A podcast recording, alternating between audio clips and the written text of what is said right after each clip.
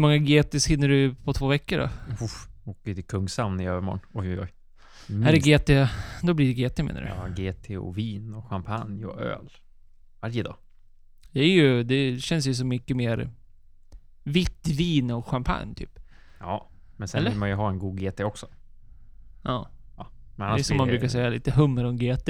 Ja, precis. Som sommelierna säger. 100 procent. Nej, det blir nog lite champagne och vitt vin. Det blir nog garanterat. Och sen ett gäng öl på det och några GTs. Ja. Ja. ja det låter väl fint. Det låter Ja. fint. Vad har du druckit eh, sen senast vi sågs då? Nu, nu när du har semester, då blir det även så här. Du, annars brukar vi ju specificera med helger. Men eh, det blir ju lite annorlunda för, för dig. Nu, nu har jag semester. Då har du ju, ja jag menar det. Och då blir det ju, då kan det ju även vara veckodagar. Mm. Jag har inte druckit något superspeciellt, men som jag sa till dig, vi hade ju en stor eh, tonic hemma, så jag har druckit tre olika GTs. En på Herners vanliga blåa gin, en på Hendrix vanliga och en på Hendrix Amazona. Väldigt gott. Lite gott och friskt med en gin och tonic sådär bara. Tror jag bara druckit gin tonics. Ja, jag har druckit någon öl, så jag har druckit någon whisky också, men inget speciellt, utan det är GTsarna som har flödat. Ja, ja, spännande. Ja, du då? Jag har druckit vanlig, vanlig öl bara. Inga konstigheter där med. Lite, lite whisky, men lite sommarwhiskys. Och med sommarwhisky menar jag då... Ja men vanliga, lättdruckna saker. Druckit lite... Wild Turkey. Bourbon. Bourbon. Wild Turkey. Vilda Turkiet. Och... Aschentushan fick jag av en vän nu i helgen. Och så drack vi... Ja, men lite vanligt. Jag köpte ju... När vi väl var på bordershoppen så köpte jag hem Leffe Blond, Blanc och Carl Special. Så jag har väl druckit dem. Så det är absolut inte... Inga sensationer någonstans, men, men trevligt. Mm, Gott. Sommarwhisky. Absolut. Avsnittets strupfuktare. En nyhet. Är det, är det, kan det vara den första nyheten vi dricker? Mm, ja, det borde det vara. Om man räknar bort sånt som vi har föreslagit och köpt. Köpt så. Och det är en Bellini. Ja, det är väldigt trevlig liten Bellini. Mm, och På det, burk. Precis, det är inte en Bellini som vi har stått och gjort själva, utan det, är- det där är vi väl... Det, det kan vi väl nu, tycker vi väl. Ja, ja, vi har gjort det två avsnitt så att nu, Ja. nu är vi klara med det. Så det är ready to drink, så att vi kommer dricka. Vi har köpt två stycken olika eh, ready to drinker. Den här kallas då för The Bellini Project. Och är tillverkad i Sverige, vilket är kul. 4,5%, 16 riksdaler. Och det är då en nyhet som kom ut i butikerna för, ja, nu kommer jag inte ihåg, men det var, det var inte så länge sedan då. Det står fortfarande nyhet på Systembolagets hemsida till och med, så att Då är den ju jätteny. då är den ju ändå ny. Och det är ju en Bellini. En Bellini är ju då en, eh, ja men en cocktail som traditionellt sett serveras. Det är väl italiensk, det hör man väl i och för sig.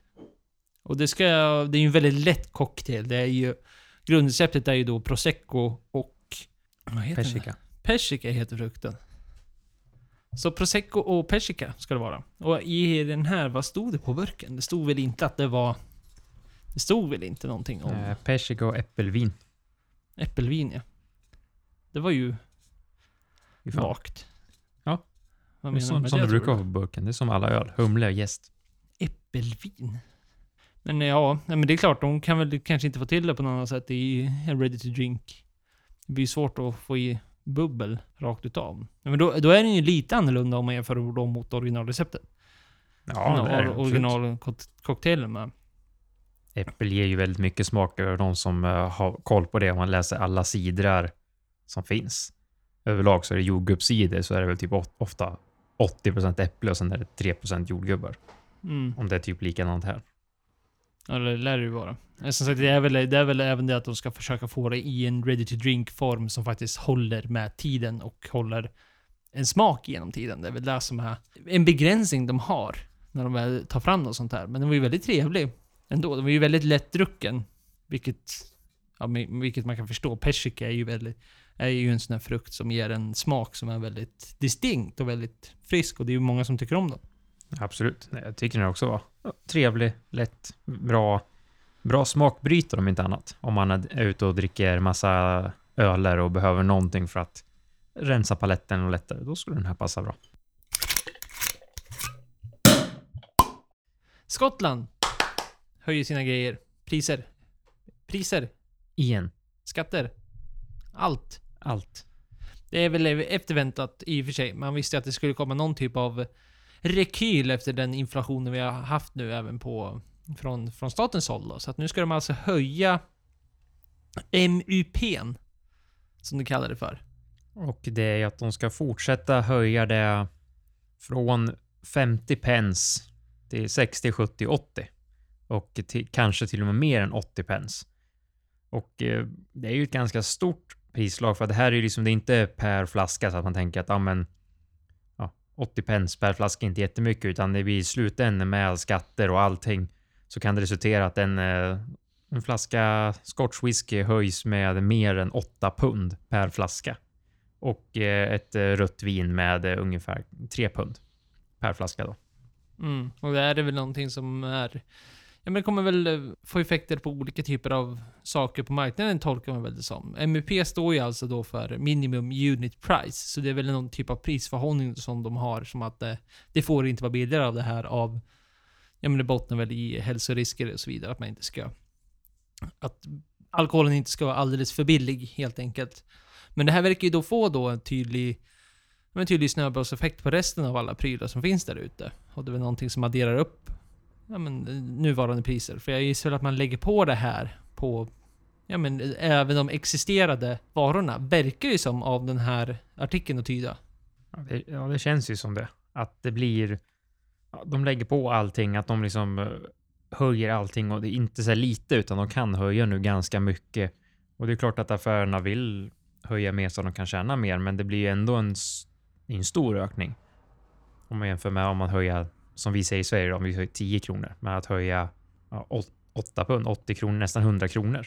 Och det här kan ju naturligtvis få, få effekter för även oss här i Sverige då naturligtvis. Om du ska gå ut och köpa dig en eh, skotsk whisky exempelvis efter detta. För det kommer ju naturligtvis bli en annan ny prisbild för marknaden borta i Skottland.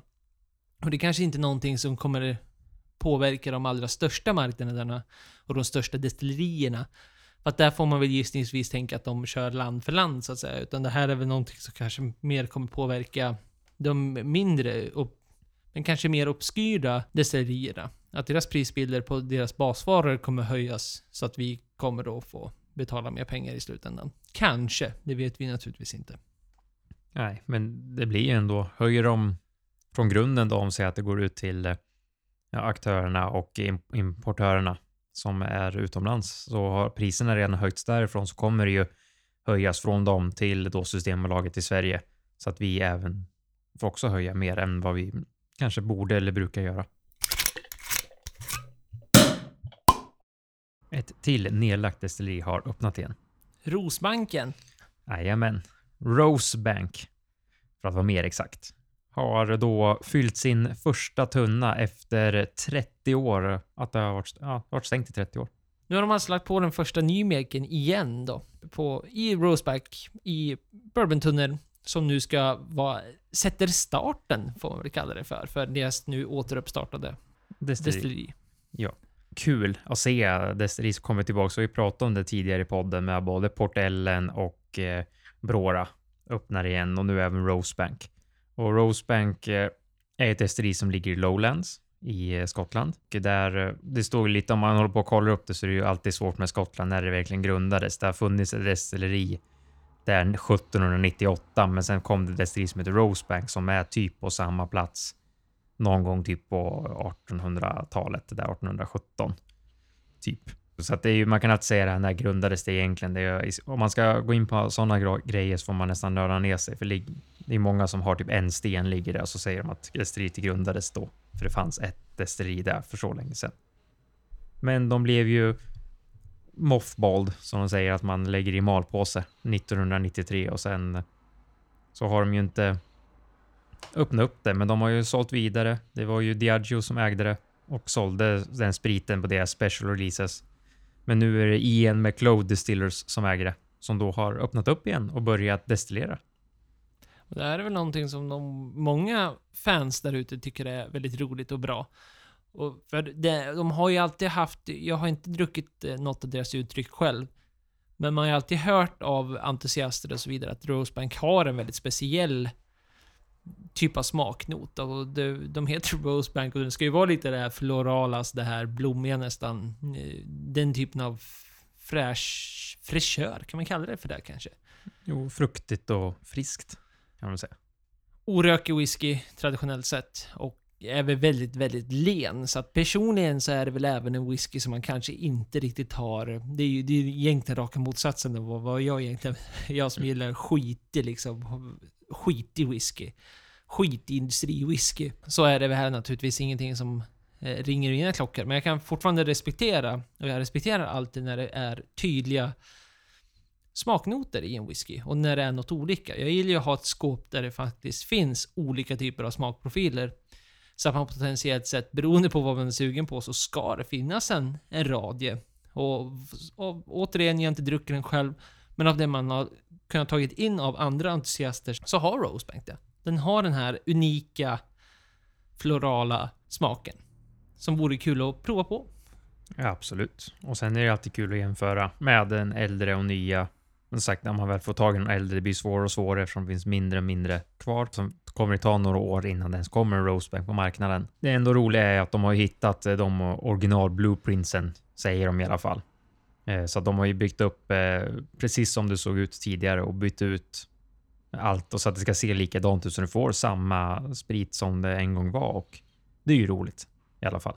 Ja visst, nej men Newmaken den, den kan man väl försöka göra så lika man bara kan. Sen är det väl naturligtvis, har de inte haft någonting sedan 93, som vi vet, det har hänt väldigt mycket inom tunn, tunnvärlden. Det är någonting som förändras rent smakmässigt och tunnorna blir bättre och sämre och ja, kommer alltid förändra sig rent smakprofilmässigt eftersom det är, ja, det är en produkt som är beroende på av vad som händer runt om det så att säga. Det har många yttre påverkningar så att naturligtvis så kommer inte kommer det inte bli en exakt kopia för det är helt omöjligt. Så är det ju. Absolut. De kom, det finns ju mycket experter idag som säkert kan hitta så att det blir så likt som möjligt. Men eh, ja, det, kommer nog, det tar ju några år innan man ens kommer dit till den punkten och så är det ju för alla de här destillerierna som öppnar upp igen. Det kommer ta, ja, man behöver ju inte lowballa, det är minst tio år innan de första riktiga uttrycken som kanske kan överstämma med de här originalrecepten. Jag tror. Ja, mycket möjligt att det kommer ju vara nå- någonting sånt där liknande. För jag gissar väl att det här kommer ta lång tid innan de släpper det första släppet också. Jag är svårt att tro att de här kommer släppa in, ut någonting direkt efter tre år exempelvis. Det är kanske till och med tvek att de kommer göra det efter fem år. Så vi kanske får vi se när de här första tunnorna och de har tillräckligt mycket sprit så att man kanske kommer upp i de här, ja men, ja men fem plus i varje fall. Så kanske vi kommer börja se lite nasare. Men vi, vi får se. Absolut. Nu är det ju ändå också ett stort Ian McLeod Distillers som gått in och öppnat upp och äger. Då finns det pengar så de behöver inte släppa på en gång utan de kan vänta jämfört med nya destillerier. Så att eh, man kan hoppas att de inte släpper för tidigt och att det smakar bara sprit. En ny lista har kommit ut. Vi gillar de här listorna, eller jag gillar de här listorna. Gillar du listorna? Ja, men det är lite kul ibland. Och nu är det inte mindre än de 10 bästa städerna att avnjuta en pint denna sommar. Det låter som en bra lista. Det måste vi ändå erkänna. Ja, absolut. Det här med öl på sommaren, det är inte helt fel. Ja, det är riktigt trevligt. Vad skulle du säga är de bästa städerna i Sverige? Har du en topp tre? Om du skulle välja de bästa sommarstäderna och dricka en öl i Sverige. Innan vi hoppar på den här globala listan. Göteborg måste ändå ligga högt upp på listan. Det, alltså de blir väl etta, eller? Ja, jag tror jag har börjat fundera. Det- Sen har jag ju, jag måste erkänna att man inte varit på jättemånga ställen. Inte så många, vad säger man? Sjöställen. Alltså Stockholm och Göteborg har jag varit i flera gånger. Men sen har vi varit i Norrköping, Norrköping. Och så har vi varit i Örebro, Västerås, Eskilstuna. Men eh, alltså, just där man tänker sommar, när man går ut liksom, det är fint, det är vid vattnet, det är liksom man ser det här. Ja, för det, det är ju viktigt att tillägga. Det är så jag tror de har gjort den här globala listan också, att man får ju se det som en hel... Det är inte bara så att man ska endast åka dit för att dricka en öl. Utan jag ser det mer här som att det här är en, en stad där du njuter av att ta en pint samtidigt som du kan avnjuta en, en sommar helt enkelt. Alltså en semester. Någonstans. Och då blir ju Göteborg inte bara det att de har otroligt många bryggeripubbar och massa öl görs där borta, som att det är jättemycket trevligt. Så är det ju också för övrigt en trevlig stad. Att du har ju den här sommarstadsviben och du har Liseberg. Du har... Den, den tickar av många boxar den där, den där staden. Ja, det tror jag också. Det så känns den måste ju som... bli etta. Ja, det måste bli etta. Men vad är tvåa säger du då? Tvåa, ja den är svår alltså. Det, den blir ju svårare och då blir man ju så här att då måste det kanske till och med bli någon av de här klassiska. Är det Visby kanske? Visst, vi, det är väl... Ja, där har jag inte varit. Men du har ju varit där. Och det är ju Ja. också många pubbar och barer och, och så vidare. Och det är verkligen sommarställe. Och det är ju härligt. Sitta och dricka öl där är ju väldigt, väldigt härligt. Och det finns ju ändå en hel del. Alltså Gotlands bryggeri är ju i och för sig, har väl börjat blivit mer av en gigant nu. Eh, inom svensk öl. Men de gör ju väldigt bra saker och så finns det naturligtvis mycket annat där också. Men ska, återigen ska man få in det här hela semesteraspektrat. Om man ska sitta och avnjuta en öl så är ju Visby en höjdare. Ja, det tror jag också. Vi, vi ska, jag ska ju till Kungshamn den här veckan och Smögen. Det är ju trevligt, men jag tycker inte att den toppar listan lika högt. För det är ju alltså... Det är inte det här för att gå ut och dricka en öl. Det är jättetrevligt. Många restauranger och många fik och små barer och sånt där. Men då är Göteborg mycket, mycket bättre. Och då skulle jag faktiskt till och med tillägga att Stockholm vid vattnet är bättre. Ja, men jag tror Stockholm måste väl komma trea eller? Jag tror det. Alltså det finns ju så mycket i Stockholm som säger man går på sommaren, det räcker att gå de här smågatorna och Gamla stan eller går man på Söder eller ja, där, där vi var. Jag tappar helt bort vad det var. Kungsholm. Nej. Södra Hammarby strand. Ja, Hammarby sjöstad. Hammarby Där. sjöstad. Ja, men att det finns så mycket ställen i Stockholm med vatten. Man, tänker, man behöver inte gå Drottninggatan fram och tillbaks, för där är det inte Ja, jättetrevligt. nej, nej, nej, nej. Nej, och det, det blir väl så tyvärr. Alltså, Stockholm har ju för mycket. De har för mycket bra öl, de har för mycket bra ölställen.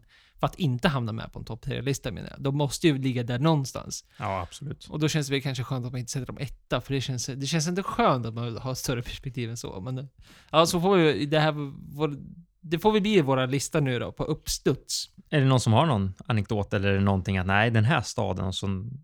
Ja, då får ni gärna skriva till oss och tycka att vi är helt fel. Skicka er bästa lista till oss bara för det är kul och se om eh, vad ni tycker och sen förklara gärna varför. Så inte man skriver den här staden, den staden, den staden. För då, man vill ha en förklaring varför, som vi har gjort nu, försökt förklara lite grann i alla fall, varför vi tycker som vi gör.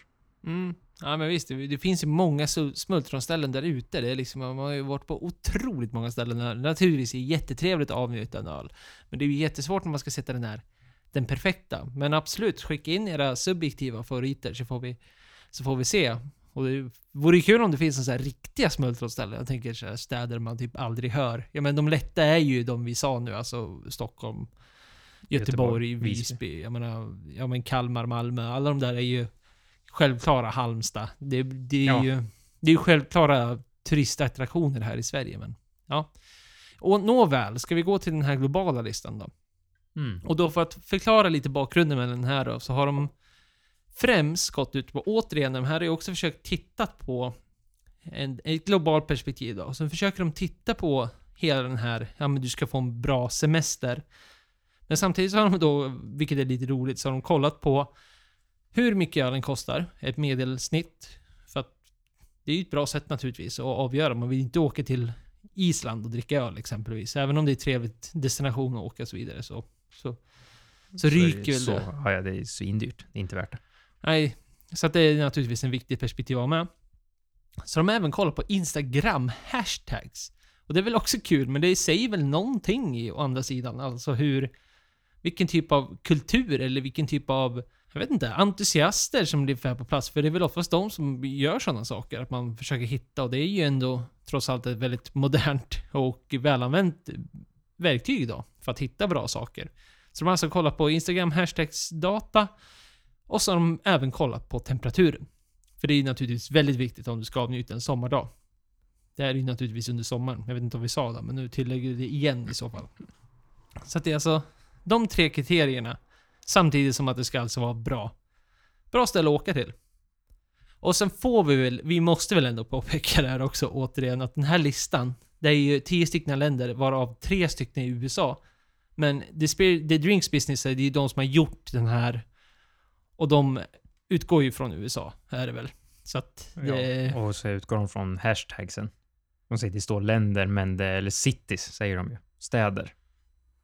Alltså det är inte, alltså de säger då det är tre städer, men det är ju större med hashtags i, i överlag i USA, är det inte? Ja, men jag tänker att det kanske är för att om The Spirit Business själva utgår från USA, så kanske man har lagt till de USA-städerna nu för att de själva, alltså de, Ja, de flesta publiken, un, ungefär som att Aftonbladet skulle göra en och så lägger man till svenska städer. Göteborg, Stockholm och Visby. Ja, precis. Om de vill ha facit. Men, eh, ja vad tycker du om listan då? Ja, det är ju väldigt utspritt. Även om det är tre städer i USA så är det ju två städer i Kina också. Och sen är det ju ja, asiatiska länder. Mång, resten är väl asiatiska länder, är det inte? Jo, det är hela högen ja. asiatiska länder. Så antingen ska du alltså till USA, tycker de, eller så ska du till Asien. Men Asien vinner väl naturligtvis väldigt mycket. Dels för att det är otroliga kulturer. Det finns mycket kul att se förutom att dricka en öl då. Men sen när man tittar på priserna här då.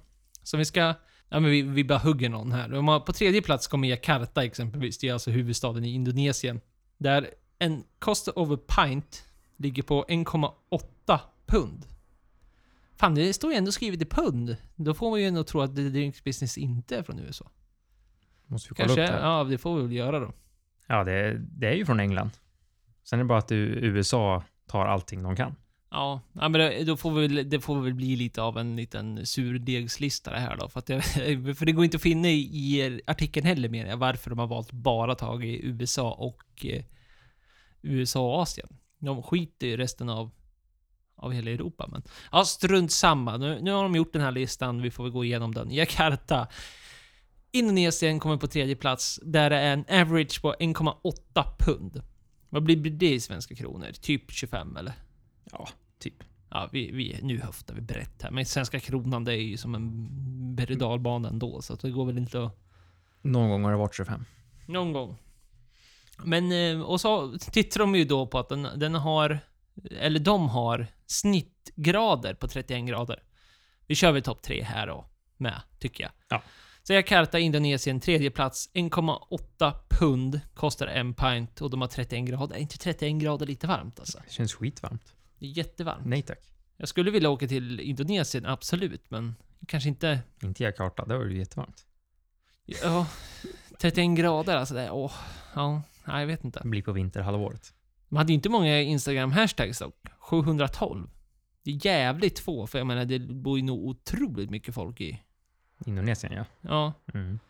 Men andra plats. Så om man jämför där, om man kollar hoppet nu, de hade 712, så andra plats har de ju 11 785 eh, hashtags. Och det är ju Hanoi i Vietnam. Mm. Det här skulle jag faktiskt vilja åka till. Ja, På absolut. riktigt. 29 grader average, det var bra. Mycket bättre. Otroligt billig öl också. 0,67 pund. Vad blir det ens? Det blir alltså 15 spänn? Nej. En pund ligger ju typ på 12. Så det halverar 6, 7, 8 kronor. Ja. Åh herregud. 8 kronor för en pint. 29 grader. Glida runt i Vietnam. Ja, men det, det är taget. Det är taget. Det, den Så den nu förstår bokar vi en resa, så nu blev det dyrt. Och nummer ett blir Chicago. Vilket är ju... Nu pratar vi helt andra priser. Ja, ja. För Det- nu, nu snittar det på 5,5 pund. Ja. Och där är ju average temperature 22 grader. Jag vet inte fan hur den här kom upp på nummer ett faktiskt, om jag ska vara ärlig. Är Visst, Det, är det hashtag följare? följarna? hashtagsen är 150 000. Så att där får man väl ändå... Den krossar ju resterande av listan. Men jag vet inte fan, alltså Chicago nummer ett. Vi pissar ju ganska mycket på USA. Nu, nu är det ju så här att USA har ju fantastisk kultur när det kommer till eh, framförallt eh, hantverksöl. Så att det är ju naturligtvis otroligt mycket att se i Chicago. Men i Chicago, det är ingenting som personligen som får mig att liksom vilja åka till Chicago heller. Det är dyrt. Ölen är dyr. Och det är 22 grader. Ja, men det har vi ju i och för sig varmare än vad vi har här i Sverige just nu, men ja. Nej, jag hade hellre åkt längre ner i USA. För att få um, se det här som är, mer intressant för oss kan man väl säga. Än att just åka som sagt till Chicago. Jag tror Chicago är en fantastisk stad att se. Men det ligger inte högst upp på listan av städer man vill se i, i USA. Nej, verkligen inte. Så topp tre totalt var alltså, om vi ska då lyssna på The Drink Business, Den bästa staden att åka och ta en öl, en pint denna sommar, är alltså... De tycker att du ska åka till Jakarta, Indonesien, eller till Hanoi, Vietnam, eller som då som de tycker är bäst, Chicago i USA. Och I denna nyhet så kommer det hyfsat intressanta rapporter ändå. Och det är att marknaden i stort över alkohol har förändrats nu. Det har alltid varit så att de stora marknaderna har varit framförallt i Asien. Det har alltid varit för att, ja, väldigt logiskt, det är mycket människor som bor där. Men det är just att Kinas, ja vad ska vi säga, ökning har börjat planas ut nu. Och övertas ganska rejält av eh, Indien. Intressant att se faktiskt. Eh, att det har blivit så och Indien har ju ändå varit en ganska stark spelare på just den här världsmarknaden av eh, alkoholhaltiga drycker. De har ofta varit en av de som ligger där i topp. Ofta topp tre ändå, men topp fem. Det handlar mycket. Och med tanke på hur lite indisk som exporteras ut och hur mycket de exporterar in så är det ganska intressant att se faktiskt hur mycket intresset faktiskt har ökat här. Ja, visst är det så. Det är ju jätteviktigt alltså. Ja, för det kan man ju fråga sig då. Hur, vad bryr vi oss om? Vad är viktigt? Och det här är ju naturligtvis en jätte, jättestor påverkan på hela industrin. Och då är framförallt det här ut, utmenat till alla er whiskyentusiaster där ute. Då Indien alltid har varit landet som alltid har druckit mest whisky. Men intressant med den här rapporten också är ju det att man, det tyder på en annan typ av kund också. Det är inte bara så att Indien har ökat, utan deras eh, medelklassinkomsttagare har ökat, så att man kollar lite mer. Det är väl inte, kanske inte premiumization i det sättet att de kommer köpa skitdyra whiskys, men bara det att de har fått ett högre inkomst så att de letar, marknaden suktar efter, ja men ett snäpp bättre än vad de kanske tidigare har gjort. Och det här är naturligtvis någonting som kommer påverka allt, även för oss. Styra de stora, för jag menar, vi har ju sagt det återigen att det är många destillerier där ute som har blivit mer och mer företagsamma och det är stora spelare som äger många destillerier. Och de kommer ju peka på den marknaden där de kan tjäna mest pengar och säljas mest volym. Så är det ju bara, punkt slut. Och blir Indien då den absolut största marknaden, vilket den återigen har varit, när det, i alla fall när det kommer till whisky, men nu när det kommer till alla alkoholhaltiga drycker, så kommer ju Indien ha en väldigt stor påverkan på vad man kommer producera för typer av drycker. Alltså det kan vara smakpalett och det kan vara det de vill ha.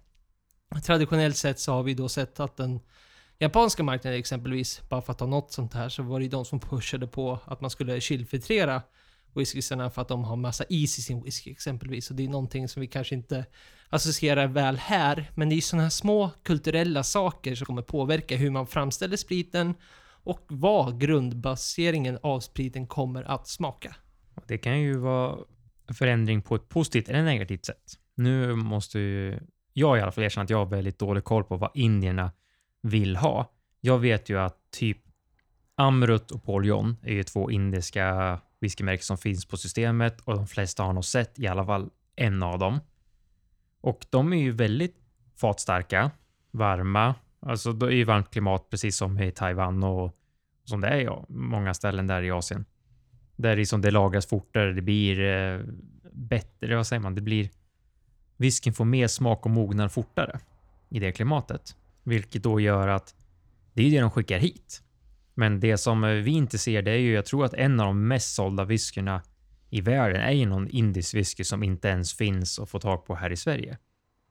Och det är ju frågan är vad vill de ha? Precis som eh, du säger att är det så att de också vill ha kylfiltrerat 40 procent och väldigt plan whisky för att det är varmt där. Det är ju väldigt tråkigt om fler destillerier börjar ändra sitt grundrecept eller ändra så att det blir de sänker alkoholstyrkan till exempel ner till 40 för att plisa den indiska marknaden. Beroende på vilka typer av produkter, det- här kommer ju inte påverka alla produkter, absolut inte.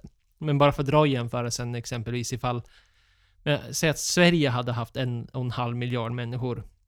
Jag kan nog gissa att väldigt mycket av den här grundwhiskyn, allt från blends till den här basic som du går in och köper en present till, till din farbror eller vad det nu kan vara. Då skulle det vara säkert rökig, rökig och sherry whisky för att det är det den svenska marknaden är, suktar efter. Och det kommer vara något liknande där. Men så kommer inte det påverka all whisky. Och framförallt eh, inte entusiaster som kanske inte dricker sånt där nödvändigtvis heller. Och inte är konsumenten det riktar sig mot. Så att det är ju ingenting man behöver vara orolig för tror jag. Utan det är snarare bara det att man... Ja men det är någonting som kommer styra marknaden. Och återigen, det är inte bara Indien är det som fokuserar just för att de har blivit störst nu på hela alkoholmarknaden. Men det är även Mexiko och Brasilien. Så att det är återigen två stycken ganska nya aktörer som har tagit över en otroligt stor del av marknadsandelarna. Så att eh, då får vi se vad de vill ha då och vad de kommer. Men det, naturligtvis kommer det bli skiftningar och företag och destillerier och bryggerier och vingårdar och så vidare kommer ju behöva anpassa sig till det här och man kommer försöka hitta vad vill de ha. Det är svårt att generalisera en och en halv miljard människor, så är det ju. Så att vi får väl se vad det här innebär, men det är ändå, ändå intressant att vi får ett sånt tydligt skifte i ledande alkoholmarknad. Och nu har vi hoppat på kvällens, aftonens andra Ready to Drink. Och den sista vi kommer dricka ikväll. Vi kommer bara dricka två. Men den, vi byter fokus från den kanske mer sötare Bellinin till en väldigt sur sak. Väldigt sur sak. Och det är Azuka. Azuka Sour Lemon. Som är då en eh, bas av eh, vodka. Vodka Sour är det väl, eller? Ja, vodka Lemon, Vodka Sour. Vodka sour. Ja. Så det är alltså återigen en ready to drink. Det är det vi dricker ikväll. Som kostar 22 kronor på bolaget plus pant. Men ja, vad, vad tyckte du? Ja, men den var sur. Jag, jag kan tycka en, det är samma sak som den förra, att en sån här kan vara gott som en smakbrytare, men sen är det ju bra. Men eh, på din reaktion här när micken var avstängd, så kan jag gissa vad du tyckte. Ja, nej, jag tycker det här var inte bra. det här var faktiskt inte bra. Och nu ska ju sägas, det här är otroligt. Det är ju subjektivt, det vet vi, bla bla bla bla bla. Och den här var väldigt, väldigt sur. Och den var väldigt eh, citronig. Och jag tycker inte det. Det är, det är ingenting för mig om man säger så. Jag eh, tycker inte om citron i, i större utsträckningar. Om det inte är gindink. Ja, i, i rätta mått så att säga. Men då, i och för sig då, det är intressant diskussion det här blir ju. För att förra veckan så drack vi då Fredrik Wikingssons sommardrink. Som var väldigt citronig. Men den citronen, citroniga, men det vägde väl säkert upp av det beska med ginet och toniken. Gissar jag. Och även eh, likören. För det här är ju bara surt. Det här är bara surt. Och det här vet jag att det här kommer ju vara folk som kommer älska. Alltså älskar du surt, och det är, alltså, det är inte så här, det är inte lite surt heller, utan det är riktigt jävla svensk surt. Jaha. Det är som sur överdrivet som allting vi gör. Ja, precis. Alltså sur jävla godis, och den är svensk också, tillverkad i Sverige ska sägas. Så att den är ju väldigt speciell. Den här, kom, den här skulle aldrig flyga i en annan marknad än Sverige tror jag. Nej. Kanske våra nordiska grannar, men Ja, lite så. men ungefär som vårat salt och så vidare. Det ska vara väldigt mycket av allting. Men ja, oavsett. Nej, det, det var ingenting som passar mig. Men är du en riktig surälskare, då tror jag nog att det här kommer vara en bra smakbrytare, precis som du säger. Det är svårt att säga Ja. att man dricker fem en kväll kanske. Nej, jag tycker du om eh, de här som shottar, alltså sour fish och de där sour cola? Det är ju bland det värsta jag vet. Det är så vidrigt så det borde ju bara försvinna från jordens yta. Då tycker jag det här är bättre. Men, men det är ju fortfarande det här sura som är alltså, så... Ja, för mig, det går en. Ungefär som man dricker någon drink som är lite så här... Ja, som inte är för en annan som är söt. Det är samma sak där. En funkar, sen är det bra. Men eh, nej, fem en kväll, då tror jag det är en tuffare challenge än att dricka tre Arboga 10 2 Mm, kan nog vara. Så det sätter sig i gommen på något sätt. Men, ja, om vi lämnar det här då, så måste vi väl ändå säga att eh, vi har ju, nu har vi bara doppat tårna i segmentet Ready to Drink som finns på bolaget.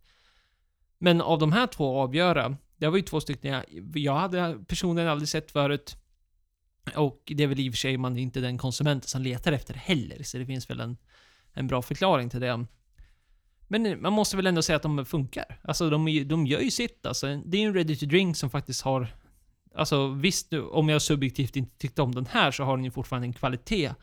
Och jag hade nog som en, en konsument som letar efter ett bryt, om du kanske är en sån som eh, drar dig mer åt viner och cider och öl kanske inte är din personliga favorit. Då absolut, det finns ett jätteutbud där ute av ready to drinks. Absolut. Så jag ser inte heller det. det är ju inte en dålig produkt. Man har ju smakat dåliga produkter som det här, det här smakar inte bra. Det är, så- det är nog fel på den. Så känns den här ändå välgjord. Som du säger, alltså, det, är, det är inte så. Det är inte för, det är inte för oss. Men eh, absolut för folk som tycker det här är gott tror jag att det här är 10 av 10. Nu har vi tänkt så här till dagens, eller aftonens, eller avsnittets ämne.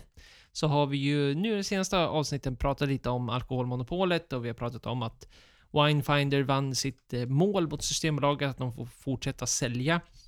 Och då så blev det ju klart då att man får ju köpa alkohol av eh, sidor som eh, har tillåtelse för detta då och importera från de sidorna till Sverige. Att det bryter inte monopolet eller Systembolaget i sig. Det har vi nu fått ett, ett fall i Högsta domstolen som har slått till. Men det får ju en att tänka lite så här hur det gäller mellan privatpersoner. För det är ju inte heller självklart. Och vi måste ju absolut börja där att går man in då och läser, och nu tar jag det här från Lawline som då är en, ja men en hemsida som eh, kommer med lagliga rekommendationer och så vidare. Så är det då någon som har ställt en fråga om just detta. Och då skriver de ju då att man får ju naturligtvis inte sälja generellt sett mellan privatpersoner alkohol, oavsett vad det är. Alltså det är alkohol, det är skitsamma vad det är för någon typ av alkohol, utan alkohol i sig. Men det finns undantag. Och då kan det då vara då ett enstaka tillfälle i förväg bestämda personer, att det sker utan vinstintresse och att det äger rum i en lokal där det inte bedrivs yrkesmässig försäljning av alkohol. Så att det finns ju då en väldigt, väldigt vagt undantag. Men det, det handlar väl mer om det här att du kanske... Ja men låt oss säga att en respektive går bort eller någonting, du får massa flaskor kvar. Då får du ju då alltså sälja de här till en privatperson och du får, om du då inte har ett vinstintresse. Så att det finns ju de här, vad ska man säga, om du har fått det i gåvor så får du ju också göra dig av det på något sätt om du kanske är nykterist eller att du inte vill dricka eller något sånt där. Så finns det de här undantagen som man då själv får gå in och ta reda på hur det ligger till i de situationerna. Men generellt sett så får man ju alltså inte flippa eller sälja en alkoholprodukt för vinstintresse. Och det är väl en intressant fråga att göra för att det här är ju återigen väldigt svenskt. Och det finns ju vissa plattformar där ute som gör det här möjligt med aktioner och så vidare. Och det vi vill ta upp med det här är ju vad får det för påverkan på alltså, alkoholprodukten i synnerhet ut mot eh, konsument och från producent. Tar vi en, eh, ett vin eller tar vi en öl eller tar vi en whisky eller konjak eller vad som helst som bara säljs i en limiterad upplaga. Släpps på Systembolaget som många av släppen vi pratar om för eh, ett pris. Och sen säljs den, tar slut på en sekund. Och sen eh, så helt plötsligt ser man de här flaskorna dyka upp på olika ställen för dubbla priset. Direkt efter att den har sålts på Systembolaget. Och det är egentligen det här, vad visar det mot personer? Vad visar det mot producenter? Och vad, liksom, vad gör det här mot hela marknaden egentligen? Ja visst, och det här är ju något problem som har funnits nu ganska länge faktiskt, ända sedan sen den här så kallade boomen, oavsett vad det är för typ av alkoholhaltig dryck, när det finns ett sånt tryck på, på att få, få sina produkter man väl är ute efter. Det här är ju naturligtvis någonting man har sett väldigt länge inom andra marknader. Biljetter till evenemang är väl ett sånt här klassiskt exempel där exempelvis det kan säljas en konsertbiljett för x antal kronor och sen ligger den uppe direkt och säljer. Men skillnaden på det naturligtvis är att det är ju lagligt. För du får ju inte köpa massa flaskor sprit, alkoholhaltiga drycker för att sen gå ut och lägga ut dem för vinstint renare vinstintressen. Det är ju tydligt och klart att så får man inte göra. Men det blir ju ändå en vag diskussion man får hålla så här. Dels beroende på att det kan ju vara så att det kan röra sig om samples. Vilket också är ett intressant ämne för att det, det faller ju i samma diskussion då som alkoholhaltiga drycker. Att det, det är inte heller riktigt okej. men då får man ju återigen tänka på det här, nej men det, det finns vid sina situationer då. Återigen, ska du göra det här, gå ut och kolla själv. Lyssna inte på oss nu. Vad, vad du bör göra. Det är inget konsumentråd det här. Eller hur du ska agera. För, borde ju då kunna få sampla en flaska utan vinstintresse. Alltså att du bara samplar så mycket som den centilitern de centiliterna skulle kosta för att du ska ja, men inte gå med plus, alltså för så mycket som flaskan kostar. Tänker jag rätt då eller? För då, då får du inget vinstintresse menar jag. Nej, jag kan hålla med. Alltså, säg att man köper en... Eh, ta en whisky. Vi köper en eh, Ardbeg eh, 10, vanliga 10 Och sen eh, är det folk som är intresserade och vet vad den kostar, eller vet hur den smakar, kan vi säga. Och så säljer man den till det priset, delar priset man har på 70, 70 centiliter. Och sen tar man bara det pris som blir. Om det blir, jag vet inte vad priset är nu, men bara säg 15 kronor, 10 kronor. Alltså sådär, då, då borde det vara okej egentligen. Eftersom det inte är ett vinstdrivande, utan det är bara för att få ut till mer folk som vill smaka den. Ja, precis. Och då man, om man då följer de här Lawlines eh, exempel här. då. Dels att man gör det, så att man inte går i vinstintresse. Och så får man då gå in i en lokal där det inte finns alkoholhaltiga drycker som drivs på industriell nivå då. Vilket då blir ju typ en SEM, exempelvis. Då borde ju- ja, borde gå, men som sagt, prova inte utan att gå dubbelkolla. Men sen blir det här en intressant diskussion också, för att det blir ju det här att, ja men var går gränsen? För sen finns det ju naturligtvis många plattformar där ute där det är fullt tillåtet.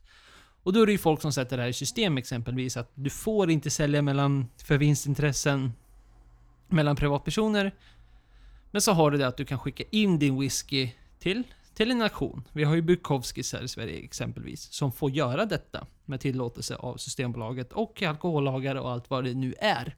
Men det blir ju det här att man tänker, ja men okej, varför får man få göra så för och inte på något annat typ av sätt? För att det här blir ju återigen, det kan ju vara precis samma grej. Att du köper jättemånga flaskor och sen sitter du med dem i flera år.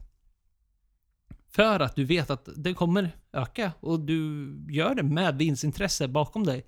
Att du vet att de här flaskorna kommer öka, jag kommer sälja dem sen fast på en auktion. Och det, det, det väcker naturligtvis frågan, ja, men varför får man göra det under de omständigheterna men inte vilka som helst? Men auktioner är ju en sån plattform. Auktioner är ju lagligt. Där får du skicka in... Grejen där är väl det som är med auktioner är att de tar ju ut en avgift. Ofta tror jag från första början att de ska fota den, lägga upp en bra bild med historiken och alltihop. Och sen tar ju de eh, ut en procent eller någonting för att när liksom det har blivit genomslaget.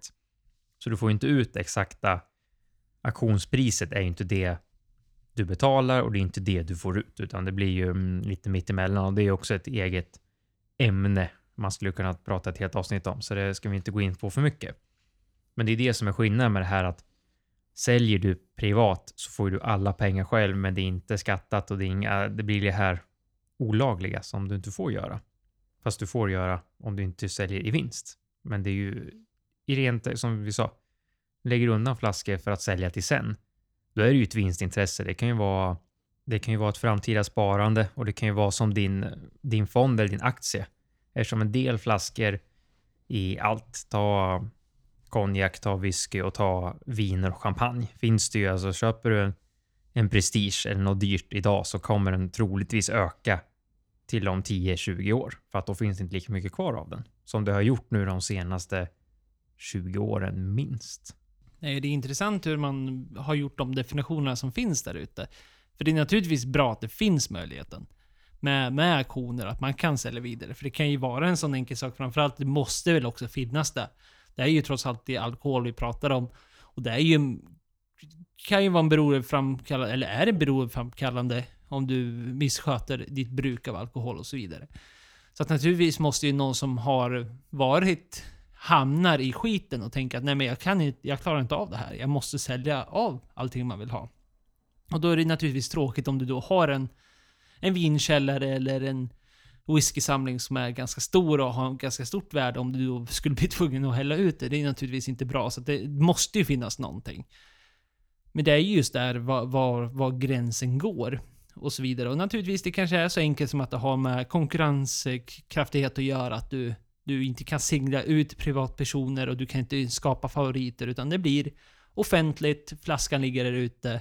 Högsta budare vinner. Det kan ju vara så enkelt också att det finns ju naturligtvis, det går ju djupare, det finns ju flera faktorer än bara det här i vinstintresse. Lite som du säger, vart går gränsen för att bli en så kallad flipper och till att det är okej att sälja din flaska, vad det nu är. hur många år måste det egentligen gå för att det ska kännas okej att sälja? Om vi räknar bort alla scenarion med att du har fått alkoholproblem. Du vill inte, du måste bli av med allting. Eh, du har ärvt det. Eh, man går bort, man blir sjuk. Alltså, folk blir sjuka, kan inte dricka mer alkohol och vill inte hälla ut och vi har liksom ingen att ge bort det till, utan då kanske man vill sälja det. Men vart går gränsen? Hur många år? Vad tycker du om alltså, den grejen? Inte du går ner på Systembolaget, köper flaska, kommer hem och direkt skickar den till auktion. Utan nu pratar vi liksom hur många år för att det ska kännas okej okay att sälja en flaska utan att det känns som att du har gjort det för en snabb vinst. Ja, jag vet inte om jag skulle sätta det i antal år eller något sånt där. Utan jag, jag ser snarare på saken att det, det, blir med vilket medvetande man faktiskt har gjort aktionen på. Om du förstår vad jag menar. Alltså köper jag in, låt oss säga, men Arbig Commit Release. Nu får vi ursäkta, nu går vi till whisky igen här som ett exempel. Om vi tar det som ett exempel så är det ju väldigt ofta man ser här att eh, många entusiaster köper ju enorma summor, eller mängder av committee-releaserna för återigen, historien bakom Ardbeg Committee Release är ju att du ska vara med i Ardbegs lilla klubb. Där, du, där de släpper en whisky varje år som bara de ska få tillgång till. Men eftersom vi har Systembolaget så får man ju inte välja folk som är med i en viss klubb. Så att det säljs till alla. Och alla har chansen. Men det här gör ju att det är ett otroligt tryck utomlands på de här flaskorna. Något enormt och de är svåra att få tag på. Just för att du måste vara med i den här klubben och sen efter det så ska du även få flaskan trots att du är med i klubben. Det är inte heller säkert. Så att det är väldigt eftertraktade flaskor, så det finns ju många här i Sverige som köper ja, men lådvis med de här. För att man aktivt vet att det kommer gå upp i pris. Och det ser jag mer som att men det är ju medveten aktion man har tagit. Att man, nu köper man det här för att man vet att det kommer gå upp i pris. Då, då tycker jag att det är naturligtvis direkt under flipper-kategorin. Utan tvekan. Men sen däremot så, det är det jag menar att det här med mängden om man då köper för att man kom, vet att det kommer komma, finns intressen därefter och, och så vidare. Det kan ju naturligtvis vara så att man köper en flaska, man får en flaska, eller vad det nu kan vara. Och den står i skåpet oöppnad och sen märker du efter, låt oss säga, fyra, fem, sex år att oj, den här har gått upp något otroligt i värde. Och då kanske man säljer av den då istället, när den väl har gått så. Men då tycker jag också att det är en annorlunda situation, för då kanske det har varit någonting man stumlar på. Alltså det är ingenting du har planerat eller någonting, utan det, det blev bara så. Och då tycker jag det också är olika, men... Ja, men jag skulle nog säga, för att svara på din fråga nu efter världens längsta utlägg. Så ska jag säga att det är snarare volymen jag ser på. Alltså att man köper, köper man många flaskor i syftet av att sälja av senare, då ser jag det som en flippermässigt sak. Men annars så skulle jag köpa en flaska och sen tänka att Ja men låt oss säga att man köper en flaska, man provar den på en bar eller något sånt där. Och man vet att okej, det här var inte riktigt för mig. Men jag vet att den är dyr. Ja men då vet jag inte. Jag hade, då skulle jag nog säga att det är okej okay att sälja den på en gång. Om vi ska prata tidsmässigt i så fall. Lite så är det ju. Som du säger med det här. Och sen det här med att ha en flaska i skåpet. Eh, när man är, återigen, pratar man whisky, vi kan ta champagne som ett annat exempel. Eh, du köper en flaska kristall eller kryg eller dompa, någon sån här lite prestige. Tänker ja, men jag ska ha den här till eh, när jag fyller jämnt eller man säger man får barn eller gifter sig. Och sen eh, säger vi att tiden drar iväg lite grann. Och sen ser man plötsligt att just den där flaskan blev jättedyr. Då kanske det också blir så här om jag köpte min för vi säger, vi säger så 2000 typ enkla pengar, men nu, går, nu säljer folk den här för 10 000. Då kanske man har mer roligt för de här 10 000 kronorna och sen kanske man kan köpa en annan flaska champagne och öppna för det tillfället. Men att det liksom blir, är någonting så gott som 10 000 kronor? Den är också en bra fråga, frågeställning. Så är någonting och helt plötsligt ser man att någon flaska sticker iväg och kostar över 10 000, 20 000 kronor om man har köpt den för kanske ja, 1000.